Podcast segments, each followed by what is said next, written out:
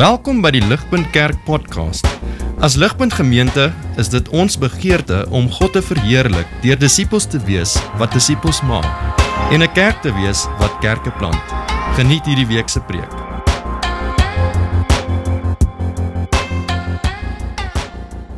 Vriende, ek weet nie uh, wie van julle weet wie Liberace is nie. Ek dink mense mense onthou die naam, maar mense is nie heeltemal seker wie hy is nie. Daar's 'n um, daar's 'n foto van hom.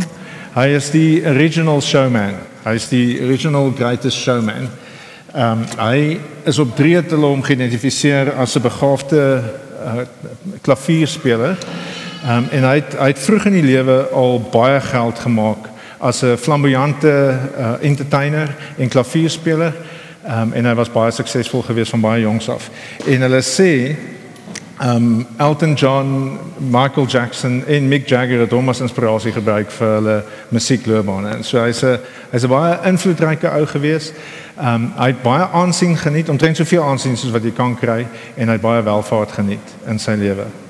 Um en dis dinge wat ons baie keer na hunker, nê. Ons hunker, ons harte hunker as ons stop en daaroor dink, hunker ons harte na aansien en welvaart. Um Maar uh Liberace is op 67 oorlede in 1987 uh, en hy het 'n massiewe rykdom agtergelaat. Hy het hulle sê hy het 30000 uit 'n hulle het 'n vertoning gehou by soos 'n skou of 'n ding um, met 30000 van sy ornamente. Ehm um, die mense het op baie tyd in 1987 het hulle 6 dollar betaal om te gaan kyk na hierdie rykdom van hom. 6 dollar min of meer 100 rand 35 jaar terug. Mense was bereid om baie geld te betaal om te gaan kyk na iemand se se massiewe rykdom. Ehm um, nou wat wat hartseer is van die verhaal van van Liberace is hy het als bereik wat hy gedroom het om te bereik. Maar die wat naby aan hom was, sê hy was baie ongelukkig. Hy het 'n baie ongelukkige lewe gelei en hy was baie onvervuld. En so hierdie 30000 ornamente is eintlik 30000 monumente van 'n lewe wat vir die verkeerde doel gelewe is. Sy hart was op die verkeerde plek. Sy lewe wat hy neergelê het, het hy neergelê vir die verkeerde goedes. Hy was nie vervul nie. Ehm um, dis tragies dat mens kan bereik dit wat jy voorwerk en nog steeds 'n baie ongelukkige lewe lei.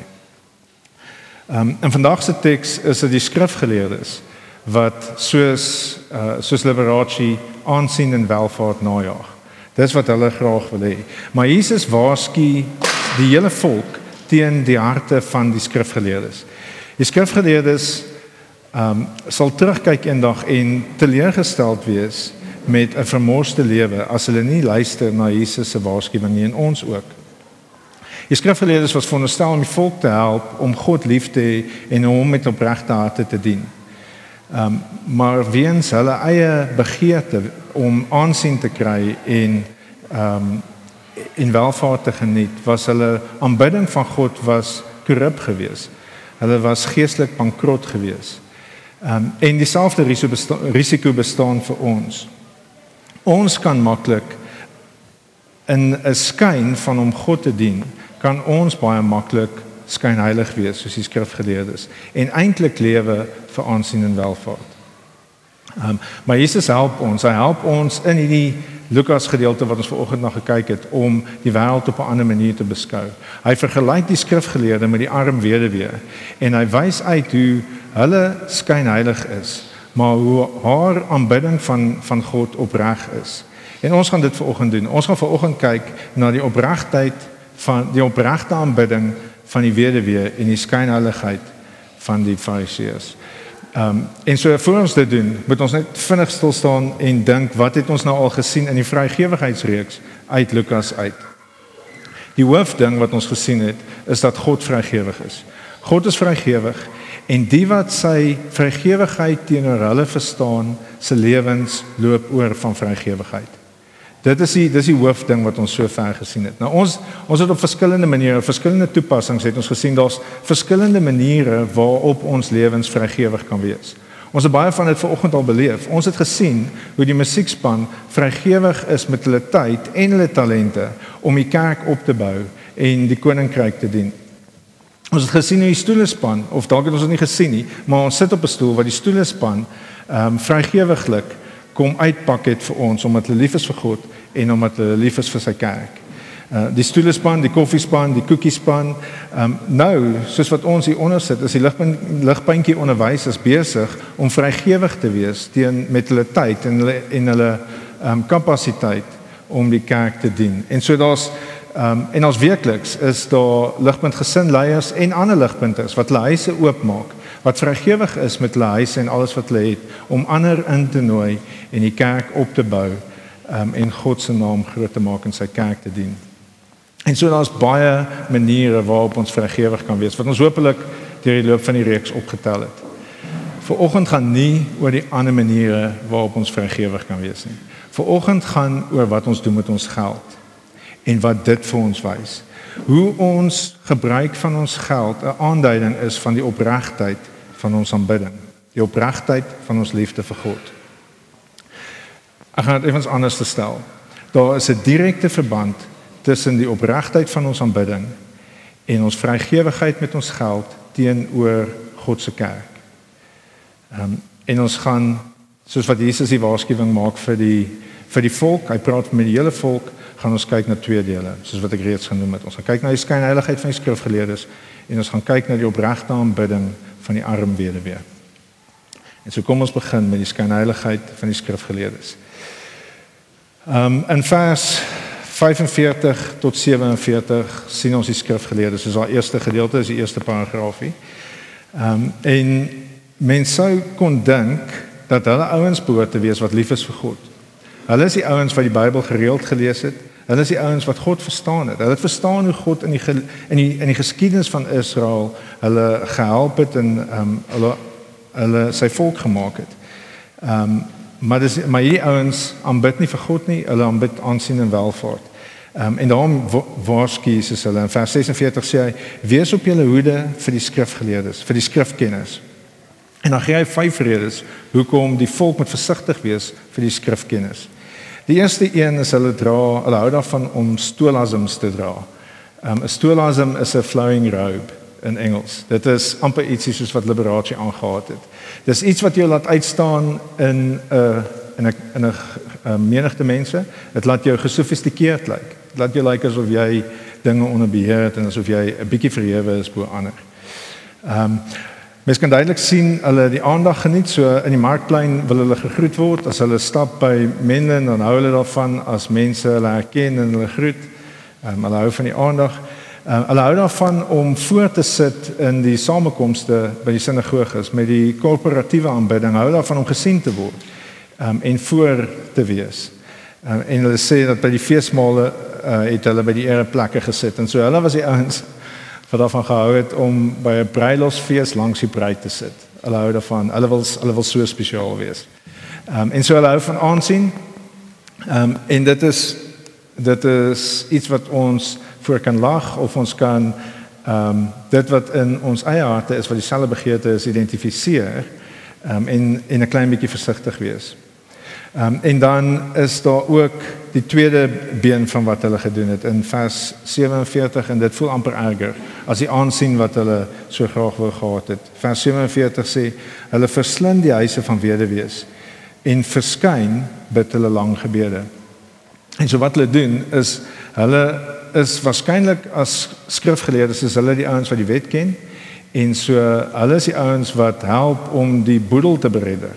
Want hulle verstaan God se wet. En so mense vertrou hulle omdat hulle die skrif ken en dan dien hulle nie vir God nie, hulle dien hulle self en hulle vat die weduwee se besittings. Um, maar om nog steeds 'n 'n front voor te hou om hierdie magsposisie te bou, moet hulle front voorhou dat hulle werklik lief is vir God. En daarom maak hulle hier lang gebede ehm um, wat dan 'n skyn is dat mense kan dink kyk kyk hoe betroubaar is hierdie ouens. Hulle is lief vir God, hulle ken God se woord ons kan hulle vertrou. Ehm um, en so dis 'n verskriklike afskuwelike prentjie van ehm um, van skynheiligheid. Dit is skokkend om te dink dat iemand God kan gebruik om sy om 'n ander god te dien, om die god van welvaart te dien. Um, om om te om die skyn voor te gee dat hulle lief is vir God en daarom ehm um, gebruik hulle God om dit wat vir hulle werklik lief is aansien en welvaart te kry. Ehm um, hierdie leiers grief God. Ehm um, want hulle gee nie om vir God nie en hulle gee nie om vir mense nie. Hulle gee net om vir hulle self. Ehm um, en die teks is baie duidelik. Die laaste gedeelte van vers 47 hulle sal 'n swaarder oordeel ontvang. Hulle het soos wat ons weet uit Jakobus uit, hulle weet meer, hulle sal hoër aanspreeklik gehou word vir vir die manier waarop hulle mense manipuleer weens die kennis wat hulle het van God. En so hulle hulle oordeel is seker. Ehm um, maar hoe sal ons dan hulle skynheiligheid opsom? Wat is 'n 'n behulpsame manier vir ons om te dink oor die skynheiligheid van die skrifgeleerdes? Wel, die skrifgeleerdes gee meer om vir wat mense van hulle dink as wat God van hulle dink. Dis die definisie van skynheiligheid. Hulle is meer besorgd oor die bewondering van mense as die goedkeuring van God. Ehm um, en so dit is die ding waarvoor ons moet versigtig wees die dat ons meer besorgd is oor die bewondering van mense as die goedkeuring van God. Die skokkende ding hierso met die skrifgeleerdes is daar's daar's geen koneksie met God wat lei tot opregtheid in hulle lewe nie. Ehm um, op die ou einde begeer hulle harte dit wat hulle harte begeer en dis nie God nie. Hulle begeer dit wat hulle dink hulle op die ou einde sal gelukkig maak. Uh, en uh, ons is nie immuun teen hierdie versoekings nie ons is ehm um, ons is sondige mense net soos die skrifgeleerdes. Ons harte kan ook dink dat die ware vreugde lê nie in 'n verhouding met God nie, maar in aansien en in welvaart. En 'n interessante studie wat hulle in Amerika gedoen het, ehm um, dink ek wys ons harte ook, of ten minste myne. Ehm um, die studie wat hulle gedoen het, is hulle het hulle het gekyk wanneer is mens geneig om te toet vir die kar wat voor jou slaap by die robot. So as jy by 'n robot weg, as jy by 'n robot staan en jy is tweede in die ry en die kar voor jou trek nie weg as die robot groen word nie. Ehm um, wat is die bepalende faktor vir of jy gaan toet of nie? En hulle sê ehm um, dis amper dis amper soos totaal en al inconclusive. Daar is daar's geen twyfel daaroor nie. As die kar klein is of goedkoop is, dan toet jy. As die kar groot is, dan toet jy nie uit respek uit vir die ou voor jou. Ehm um, en en dit is 'n skokkende ding om te dink, maar as jy as jy vir 'n oomblik kyk hoe jy optree, ehm um, oh, as ek kyk hoe ek optree, toe ek dit gelees het, toe besef ek dis waar van my. Dis waar van hoe ek nie doet vir die X7 wat my afsny nie, maar die klein karretjie wat stadig is, ehm um, hanteer ek nie met dieselfde hoeveelheid respek op die pad nie.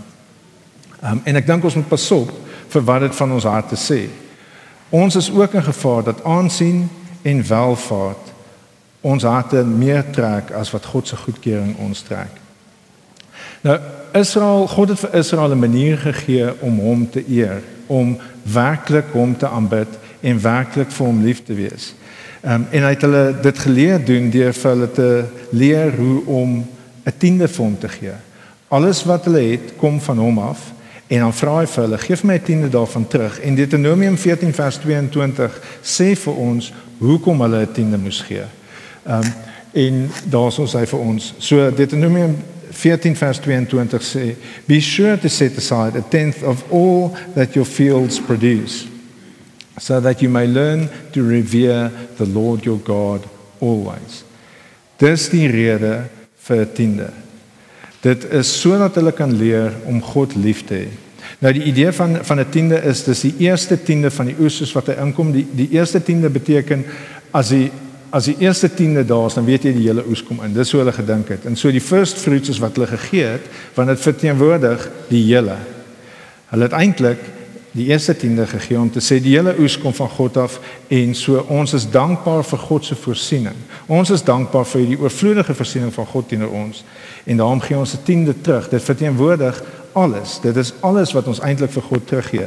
Maar hy leer hulle net om 'n tiende te gee dat hulle in hulle harte kan voel God voorsien, ek is dankbaar. En dit is hoe hulle dit moes doen. En so vir ons werk dit dieselfde. Vir die kerk werk dit presies dieselfde. Ehm um, ons het 'n effens ander stelsel as wat Israel gehad het. Ehm um, maar die begeerte vir 'n tiende of die rede vir 'n tiende bly presies dieselfde. Alles wat ons het, ons hele oes kom van God af. Ehm um, en die eerste tiende wat ons aan hom teruggee, leer ons harte ons is dankbaar, God voorsien vir ons, ons is lief vir hom. Ehm um, en so dis so dis hoe dit werk. Ehm um, maar die volk het dis hoe die tiende werk. Maar die volk het geleer hoe om God meer lief te hê, ehm um, deur hulle tiendes te gee en so in in Dawid se tyd het hulle ehm um, het hulle geleentheid gehad om vry vrywillig nog meer te gee as ehm um, as 'n tiende. Uh en en Dawid was dankbaar vir die manier waarop God in die storie van Israel hulle verlos het uit Egipte uit um, hulle 'n beloofde land gegee het en hulle opgerig het as die land. Hy was getrou aan sy beloftes. Sy genade was oorvloedig teenoor hulle. Um, en Dawid het 'n sterk begeerte gehad om 'n huis vir God te bou in hulle midde. Um, en God het vir hom gesê dis nie sy dis nie sy voorreg nie. Salomo sal dit doen, maar toe vat Dawid al sy um, goud en hy gee dit vir Salomo um, en sê hiersoos hiersoos my rykdom. Hy gee dit vrywillig. Ehm um, hiersoos my rykdom en vat dit en en bou 'n tempel uh, vir God. En ek gaan ons net lees wat toe gebeur het met die res van die volk, soos wat hulle gesien het wat Dawid gedoen het. Um, en en en let asseblief op soos wat ons 1 Kronieke um, 1 Kronieke 29 vanaf vers 9 lees, hoe daar 'n verbandskap is tussen hulle wat God se goedheid sien, hulle wat vrygewig is hulle vrygewigheid wat lei tot vreugde in hulle lewens en opregte aanbidding in Israel en hoe dit almal aansteek soos wat hulle deel raak van hierdie ding. So um, 1 Kronieke 29 vers 9 sê die volk was verheug oor die gesaghebbers se bereidwilligheid want hulle het dit van harte vrywillig vir die Here gegee. Ook koning Dawid was besonder verheug. Daarop het Dawid die Here ten aanskoue van die hele geloofsgemeenskap geprys. Dawid het gesê: "U moet geprys word, Here, God van ons vader Israel, van altyd en vir ewig. Aan U, Here, behoort die grootheid, die sterkte, die luister, die roem en die majesteit. Ja, alles in die hemel en op aarde. Aan U, Here, behoort die koningskap en U is die hoof verhewe bo alles. Rykdom en eer kom van U en U regeer oor alles. In U hand is krag en sterkte en dit is in U hand om enige iemand groot en sterk te maak. Daarom ons God, prys ons U en loof ons U luisterryke naam. Want wie is ek en wie is my volk dat ons in staat is om vrywillige gawes soos hierdie te gee? Ja, van U kom alles en uit U hand het ons dit aan U gegee want vreemdelinge is ons voor u en bywoners soos al ons voorouers soos 'n skaduwee is ons daar op aarde en daar is geen sekerheid nie Here ons God al hierdie rykdom wat ons gereed gekry het om vir u om vir u huis om vir u huis vir die heilige naam te bou is uit u hand en behoort alles aan u ek weet my God dat ons dat u harte toets en vreugde vind in opregtheid Ek met opregte hart het dit alles vrywillig gegee. En nou het ek met vreugde gesien hoe u u volk wat hier teenwoordig is, vrywillig vir u gee. Dit is 'n verstommende beweging van 'n volk wat gekenmerk is in die wildernis net nadat God hulle bevry het uit slawerny in Egipte was hulle die tema van hulle lewens was klaar Dis wat hulle experts in was. Hulle het reg geweet hoe om te kla. Um, en nou 'n paar jaar later, soos wat God hulle in die beloofde land gevestig het en hulle geleer het hoe om die die opbrengs van God se goedheid in hulle lewens vir hom terug te gee, het hulle geleer hoe om um, dankbaar te wees teenoor God en opreg te wees in hulle aanbidding van God. En hulle het geleer hoe om um, vrygewig te wees. En hulle gee baie meer as wat uh, vir hulle gevra is. En ek dink op die ou einde moes Dawid vir hulle sê stop nou, stop nou. Dis nou genoeg. Um, ons het nou genoeg. En so God se vrygewigheid het gelei tot vrygewigheid by die volk wat deel is van hulle opregte aanbidding, die manier waarop hulle hulle verhouding met hom uitoefen. As kerk is ons nog steeds in daai selfde posisie. Ons is nog steeds in die posisie waar ons ons opregte waar ons God se vrygewigheid teenoor ons ehm um, opreg waardeer soos wat ons vir hom teruggee. Soos wat ons dit wat hy vir ons gee terug aan hom gee. Lukas 12 vers 43 het Jesus van die ryk jong man gesê waar julle skat is, daar sal julle hart ook wees. As ons meer besorgd is oor wat mense van ons dink as wat God van ons dink, dan gaan ons harte nie op 'n plek wees om vrygewig te wees nie. As ons reg besorgd is oor wat mense van ons dink en aansien en welvaart, dan is ons op 'n baie moeilike plek om God eerste te stel en vrygewig te wees teenoor hom. Ons is baie ons is baie meer geneig om ehm um, om dit wat ons aan God verskuldig is van te vergeet omdat ons omdat ons ander goed is jaag. Dit is maklik vir ons om opgevang te raak in die in die golf van die samelewing van groter, mooier, beter, veiliger huis of kar of wat dit ook al mag wees. Dit is baie maklik om in daai golf vasgevang te raak en dan nie 'n prioriteit te maak van om vrygewig te wees teenoor God uit dankbaarheid nie, en as deel van ons aanbidding. Uh, waar ons skat is, daar sal ons hart wees. Uh, ek dink dit is belangrik vir ons om te onthou God het nie ons geld nodig nie. God het geld gemaak. God print geld. Ehm um, kom ons wag net dat daai kaart dalk nie gesteel word nie. Ehm um, maar ek wil eers met dit hoor. Ek gaan 'n sluk water vat terwyl die toeter toet. As hy like my alles reg. Ehm um, so dit is belangrik om te hoor. God het nie ons geld nodig nie. Dis nie hoekom ons vrygewig is teenoor die kerk nie. God het nie ons geld nodig nie. Hy wil ons harte hê. Dis die punt van die storie. God is lief vir ons. Hy's vergewig teenoor ons. Hy het 'n manier ontwerp vir ons om sy liefde te ervaar deur dieselfde teenoor hom te doen. Om vergewig te wees teenoor God is net om te reciprocate dit wat hy teenoor ons doen. Ehm um, en dis interessant die die kerk waar ons ehm um, ons het na ons kantoor geskuif na 'n klein Duitse kerkie toe in ehm um, net langs Mindenmain. Ehm um, en en daai kerk was ek dink dit was nog laas jaar, ons het begin van die jaar geskuif. Ek, ek kan nie onthou of dit laas jaar of begin van die jaar was wat daai kerk finansiële ehm um, moeilikheid in die gesig gestaar het. En nie en en die die Duitse gemeenskap is besig om te krimp in Pretoria. Baie van die oorspronklike ouens wat die kerk geplant het, se kinders is terug in Duitsland. En so dit lyk na 'n hopelose situasie. Dit lyk nie asof ehm um, daar finansiële voorsiening vir so 'n instansie kan wees nie. Waar sal dit vandaan kom? Ehm um, en hulle het nog vir die gebou en die fasiliteite het hulle nog 70000 euro se skuld gehad.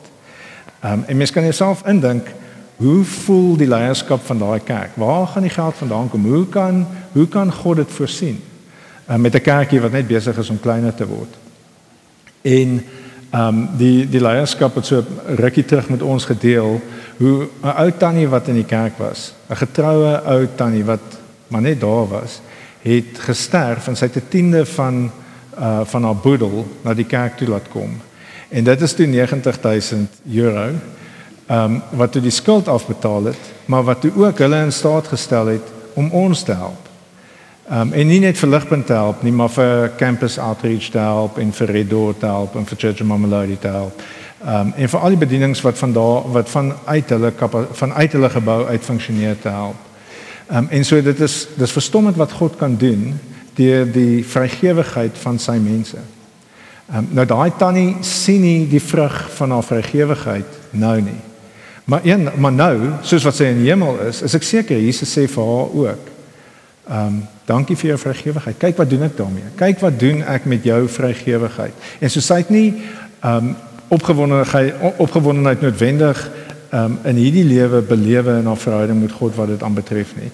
Um, met daai spesifieke gedeelte aanbetref nie, maar ehm um, maar sy beleef dit nou soos wat sy in Jesus se teenwoordigheid is. So as jy sukkel om God se goedheid in jou lewe te beleef en te waardeer, as jy sukkel om God lief te hê, ehm um, kyk nou hoe jy jou geld spandeer. Kyk nou hoe jy dit wat God vir jou gee, investeer. Dit is maklik om te sien, dit is maklik om te sien waar jou hart is. Ehm um, dit is maklik om te sien of jy waardeer wat God vir jou doen deur te kyk waar jy jou geld sit. Ehm um, Jesus het Jesus het, het in hier in ehm um, Lukas het hy gesê soek eers die koninkryk van God en dit wat jy nodig het sal hy vir jou gee.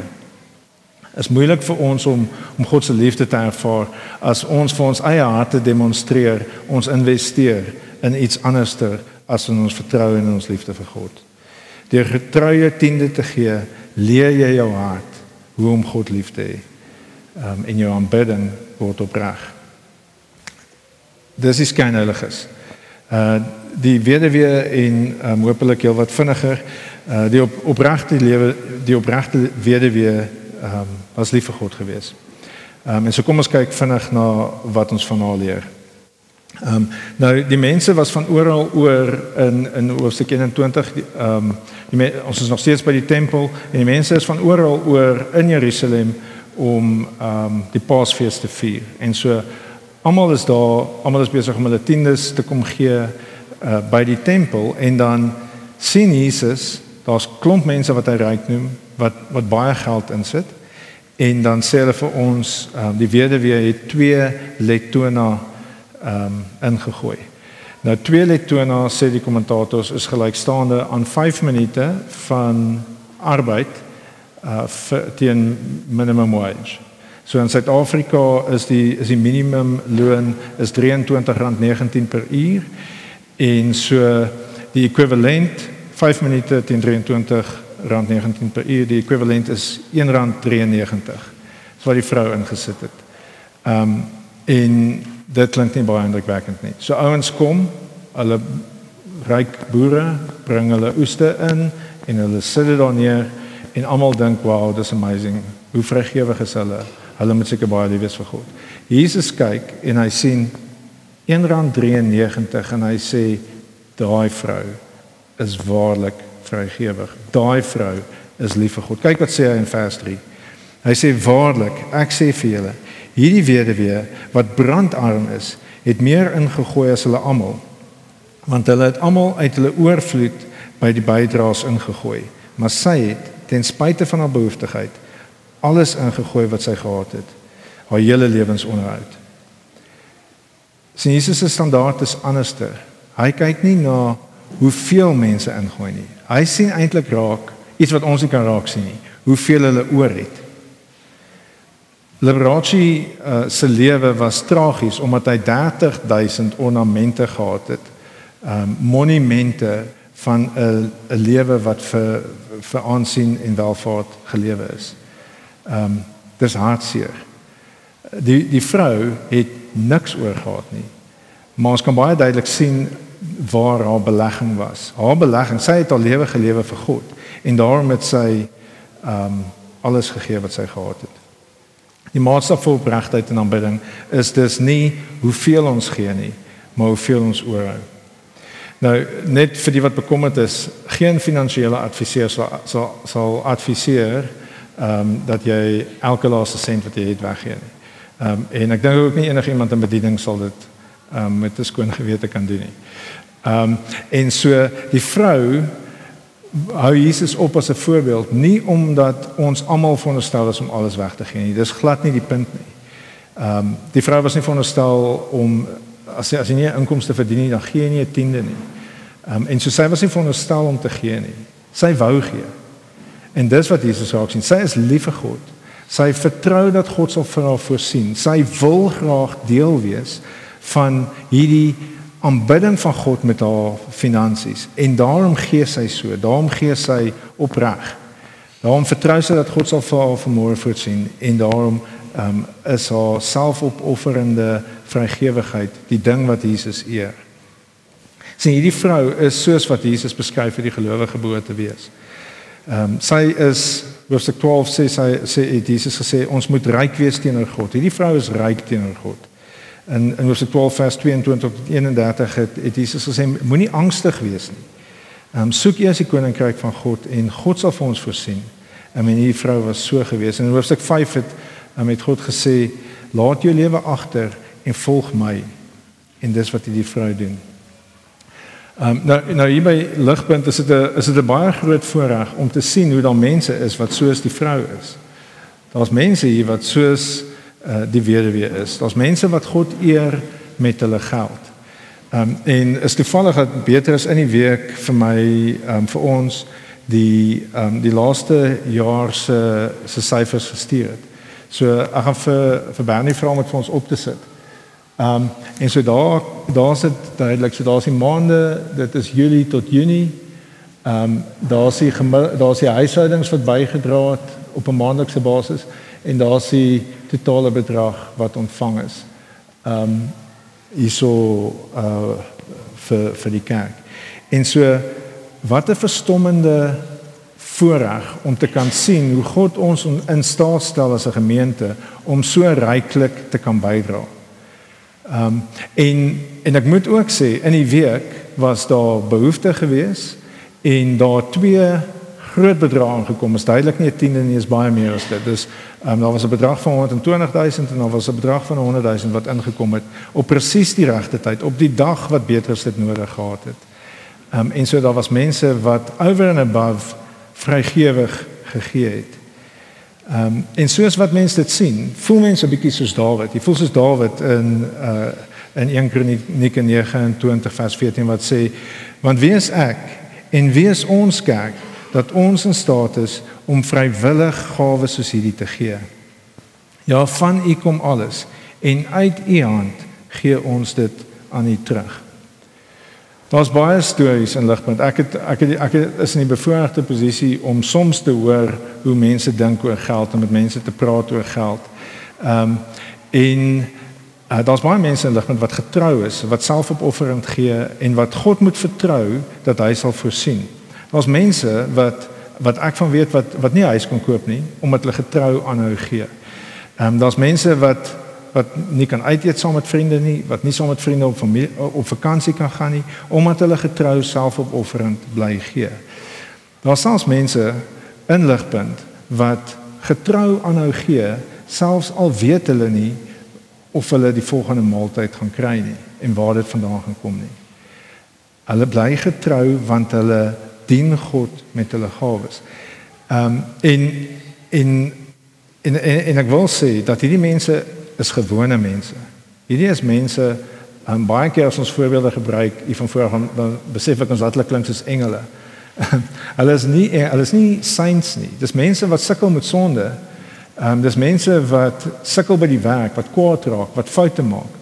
Maar hulle is mense wat besig is om hulle harte te leer om God lief te hê deur getrou te wees met dit wat God aan hulle toevertrou. Hulle is besig om te investeer in hulle verhouding met God. Hulle is besig om opreg God te uh, aanbid. En en baie kere is ek selfs in 'n bevoordeelde posisie om te sien hoe God hulle genadig is um, as gevolg van hulle getrouheid. God is genadig teenoor sy mense en hy leer ons en hy help ons.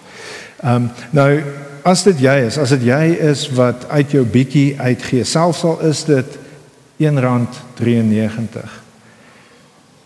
God sien dit raak. Jesus het die vrou se bydrae raak gesien.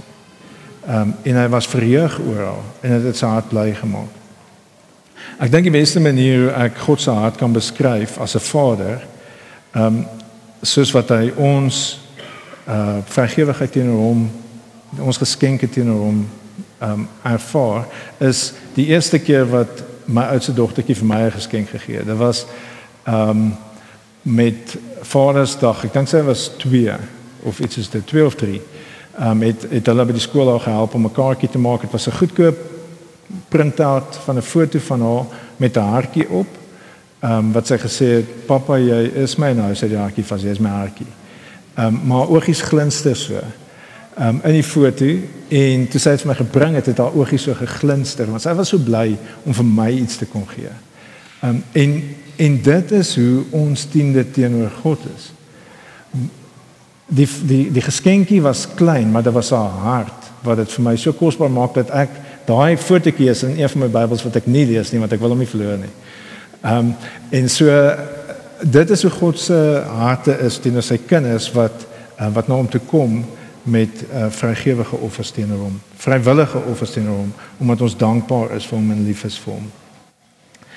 Ehm um, die weduwee het vrywillig alles wat sy gegee het, alles wat sy gehad het gegee omdat sy lief was vir God. Ehm um, en en dit is belangrik vir ons om te besef dat die weduwee het Jesus se liefde ervaar en weerspieël. Jesus het in die volgende hoofstuk, dis hoofstuk 21. In hoofstuk 22 doen Jesus dit wat die weduwee gedoen het op 'n veel groter skaal. Sê Jesus gaan en hy lê sy hele lewe vrywillig neer en koop ons terug sodat ons in 'n verhouding met God kan wees. Sien, dit is die dis nie net dat hy sy geld gevat het of die ehm um, Jesus se rykdom word baie keer beskryf in in Filippense ehm um, sê hy die hy het sy rykdom wat hy in die hemel gehad het ehm um, agtergelaat en arm geword en in 'n kruis kom sterwe vir ons. Ehm um, so dit is meer as dit. Hy het nog armer geword vrywilliglik. Hy het elke een van ons se laaste sonde op hom geneem en hy is daarvoor gestraf. En hy het dit vrywillig gedoen sodat ons in 'n liefdevolle verhouding met God kan wees. Jesus het sy lewe vir ons gegee. Ehm um, en en sy sy vergewigheid teenoor ons is nie net op 'n geestelike vlak nie. Elke liewe dag is elke liewe ding wat ons ontvang is uit sy hand uit. En so Jesus se vergewigheid teenoor ons is oorvloedig. Dit is 'n wonderlike ding vir ons om dit te besef en dit te waardeer en in opregte aanbidding met hom vreugde te vind. As ons God se liefde wil ken, as ons liewer vir hom wil word, as ons op aanbidding wil opreg wees, moet ons leer hoe om vrygewig teenoor God te wees met ons geld. Dit is hoe God ons leer met ons geld, met ons ander goedes ook.